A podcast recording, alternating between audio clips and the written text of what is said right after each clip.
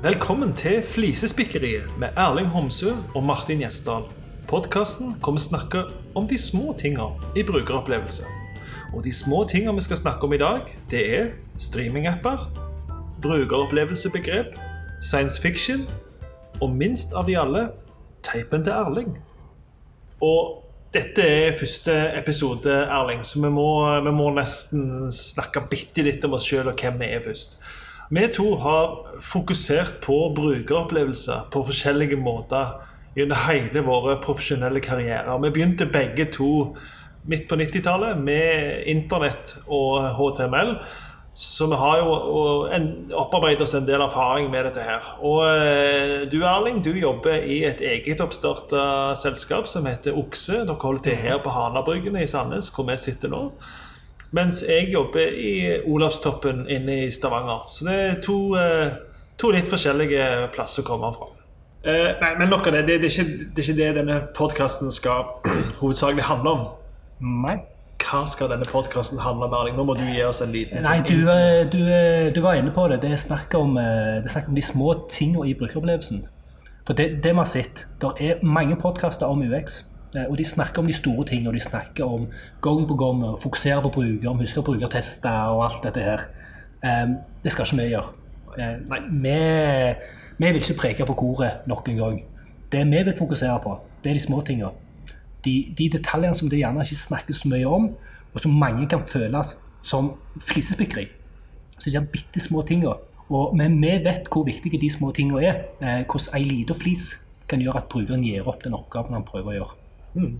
Og Det er litt deilig. Mm. Og så er det en liten begrensning, men det blir veldig kjekt. Dette, altså. vi, ja, vi gleder veldig, oss begge to klar. til dette. Ja, ja.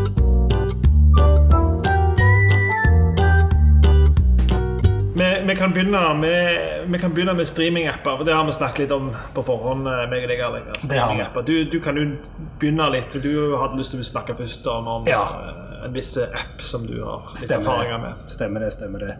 Jeg er jo, jeg er jo uh, av den generasjonen, tør jeg påstå, som uh, ikke ser på linær-TV.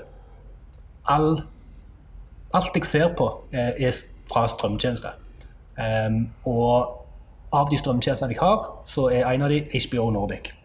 Eh, nå har jeg skulle til å si et hat-elsk-forhold, men jeg må innrømme at det mest, det, det mest hat. Eh, det eneste jeg eh, elsker, er innholdet. Eh, men opplevelsen av tjenesten HBO Nordic er dessverre ganske dårlig. Eh, og jeg, jeg, har lyst til å ta tak i en av de tingene som de gjør dårlig. Og jeg har Grunnen til at jeg har lyst til å ta tak i den tingen, er at den er så grunnleggende, og jeg mistenker den er òg så enkel å fikse at jeg blir litt eh, Jeg blir litt paff, rett og slett. Og den tingen eh, jeg snakker om, er i appen. Nå har jeg en LG-TV, jeg har en Apple TV, jeg har en, en iPhone.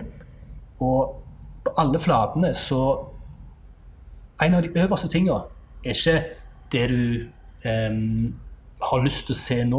Altså, de er ikke flinke på å forutse hva du har lyst til å se. Det de viser, er hva var det du så sist. Den siste, siste episoden uh, du så i en serie. Og det, jeg, jeg, kunne tilgitt det hvis du kunne gått inn på den episoden og så enkelt sagt 'jeg vil se neste'. Men det kan du ikke. Den linja der med disse episodene som du har sett, er totalt ubrukelig. For å kunne se eh, den siste episoden i en serie altså den som kom til etter du så den som tidligere var siste episoden, så må du proaktivt finne den serien. Og så må du lete opp den episoden. Og ofte så begynner han på sesong én, og du er gjerne på sesong fem. Så det betyr at du må gå fra sesong 1, klikke deg bort til sesong 5, og så må du bla deg helt ned og helt til høyre for å finne den siste episoden du skal se. Og det at de ikke har lagt til rette for at uh, du skal kunne se den siste nye episoden i den serien du følger med på, er for meg helt, uh, helt uh, uhørt. Ja. Og det er jo en liten detalj, men det blir jo en stor detalj. For det du snakker om, er jo innholdet er steinbra. Mm. Men på en måte det er litt utilgjengeliggjort. Fordi appen, eller interfacet mot innholdet, er for dårlig. Nettopp. Og da kan jo jeg bygge litt videre på det. For mm. jeg òg eh, eh, jeg òg er en eh, ikke-lineær type, og det tror jeg de fleste på vår alder er nå for tida, tenker jeg. altså Jeg traff nettopp ei som var bitte litt yngre enn meg, som snakket om et eller annet program som gikk klokka seks på hverdager. Det, helt- det var en helt fjern eh, tanke for meg. Men jeg, eh, jeg er jo en veldig stor fan av eh, Netflix. da. Jeg gidder ikke ha 70 000 abonnement på forskjellige ting, så akkurat nå har jeg Netflix. Og der òg er det små detaljer som gjør at jeg digger det. Ja. Og, ja. og den ene er at jeg ser mye Netflix på toget. Og da har jeg lasta ned episoden på forhånd. Og en ting som Netflix klarer å forutse Når jeg er ferdig med episoden, så kommer det en liten knapp på skjermen. Slett det nedlasta innholdet og gå til neste episode. Det er fantastisk. Han har klart å forutse det behovet at jeg har lyst til å slette den. For når jeg sitter den, så har jeg sett den. Det er den ene tingen. Og så er det en annen ting òg, og det er skip intro. Jeg kan ikke få si det tydelig nok hvor utrolig digg den lille jeg, jeg er helt sikker på at folk som hører på her, som har Netflix, og som er vant med den og har det på andre, apper, bare sier ja, det er jo ikke noe nytt. Men det har ikke noe å si. Nei. Jeg opplever det ikke i andre apper. Jeg opplever det i Netflix, og det er en fantastisk For du trenger ikke å se den introen hver gang. Nå har meg og kona nettopp bincha på TV2 Sumo. Bincha 52 episoder av et eller annet interiørprogram. Jeg har ikke fulgt med hele tida, men poenget er den introen varer to minutter. Ja. Så er det liksom Skal du gidde, og vi sitter på Apple TV, skal du gidde Ja, ja. prøve å spole forbi? ja. Eller skal du bare holde ut i de to minutter og høre det samme om igjen og om igjen i 50 episoder? Det er jo snakk om eh, nesten eh, to timer med, med intro. Ja, ja. Så det er, det er altså TV2 Sumo som ikke har den funksjonaliteten, f.eks. Det er sikkert mange andre også som har den. Men det som er spennende med, TV2 Sumo, det er at de har nettopp ansatt massevis av UX-folk. De har hatt massevis av stillingsannonser ute. Så TV2 Sumo tror jeg vi skal følge opp i dette, denne podkasten etter hvert. For der er jeg helt sikker på at det skjer mer spennende ting.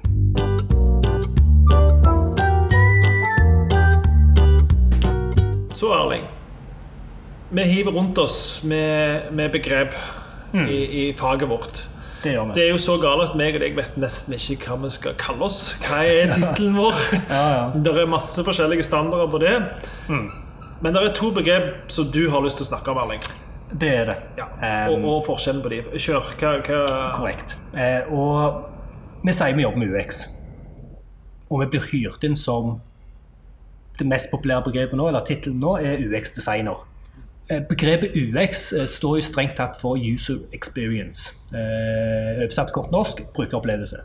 Det som er litt problem, det er at veldig mange ser på UX og den jobben vi gjør, som å lage brukervennlige grensesnitt.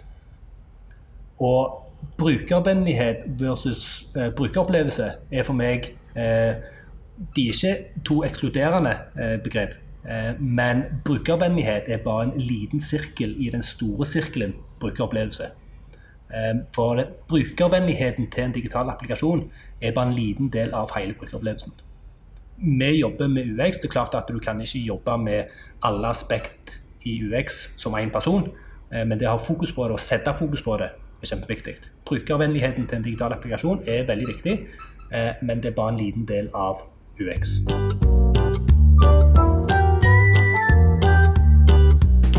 Jeg har en ting jeg vil snakke om, og det er science fiction. Jeg er en stor fan av science fiction, mest litteratur, men òg filmer.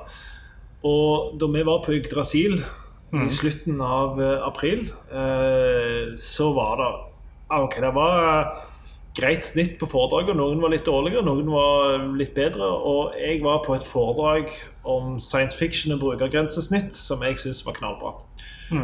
Det var en eh, kar fra Beck Consulting som holdt det foredraget. Og første del var hva har blitt forutsett av science fiction, litteratur og kultur tidligere av det vi har nå. Altså Internett kan du gå tilbake til 1800-tallet og finne noe der de begynte å snakke om et verdensomspennende nett som alle kunne kommunisere via. Og andre del var hva brukergrensesnitt har vi i dagens science fiction eh, filmer og litteratur som kanskje en gang kan bli et bra brukerinterface i framtida. Eh, Et veldig godt eksempel der var jo Iron Man, som i, inni hjelmen sin har 25 forskjellige bevegelige komponenter av et grensesnitt som er helt ubrukelig, for at man klarer ikke å følge med på så mye på en gang. Og det var forskjellige andre konsepter. Men jeg, jeg, det var veldig underholdende foredrag, men det var òg nyttig.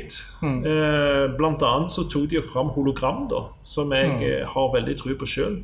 Det å kunne visualisere ting på en forskjellig måte, det tror jeg har jeg veldig tro på. Det Kan bli bra. Det er jo allerede i bruk. Du har altså HoloLens og, og forskjellige ting som kan brukes til nyttige ting. Så ehm, så jeg, eh, jeg tror jo at vi har veldig mye å lære av science fiction, men det var en ting spesielt som jeg syns var fascinerende, som var bare bullshit. Og det er filmen 'Minority Report' fra 2002 med Tom Cruise, der han står i et sånt slags grensesnitt oppe i lufta, der han drar ting fram og tilbake, har en sånn spesialhansker eller et. På det foredraget kom det fram at det var en gjeng borti et universitet i USA som hadde prøvd å implementere det grensesnittet, og lurte på hvorfor ingen andre kom på det før. Men når de tok det i bruk, så viste det seg at de, de fikk veldig fort vondt i skuldrene. Og når de da gjorde litt research videre, så fant de ut at eh, Tom Cruise i den filmen hadde måttet ta pause hvert femte minutt for han ble så sliten i skuldrene. Så det er klart det er noen av disse tingene som ser veldig kult ut, og bare tenker å, kjempebra, så er det en sånn liten detalj. Men du kunne jo sett for deg at du kunne jo lagd det samme grensesnittet bare ned på bakken. da, så at du ikke trenger ikke nødvendigvis holde hendene opp i lufta. Så det var, det var interessant å se. Så det var mm, et av lyspunktene på Yggdrasil-konferansen.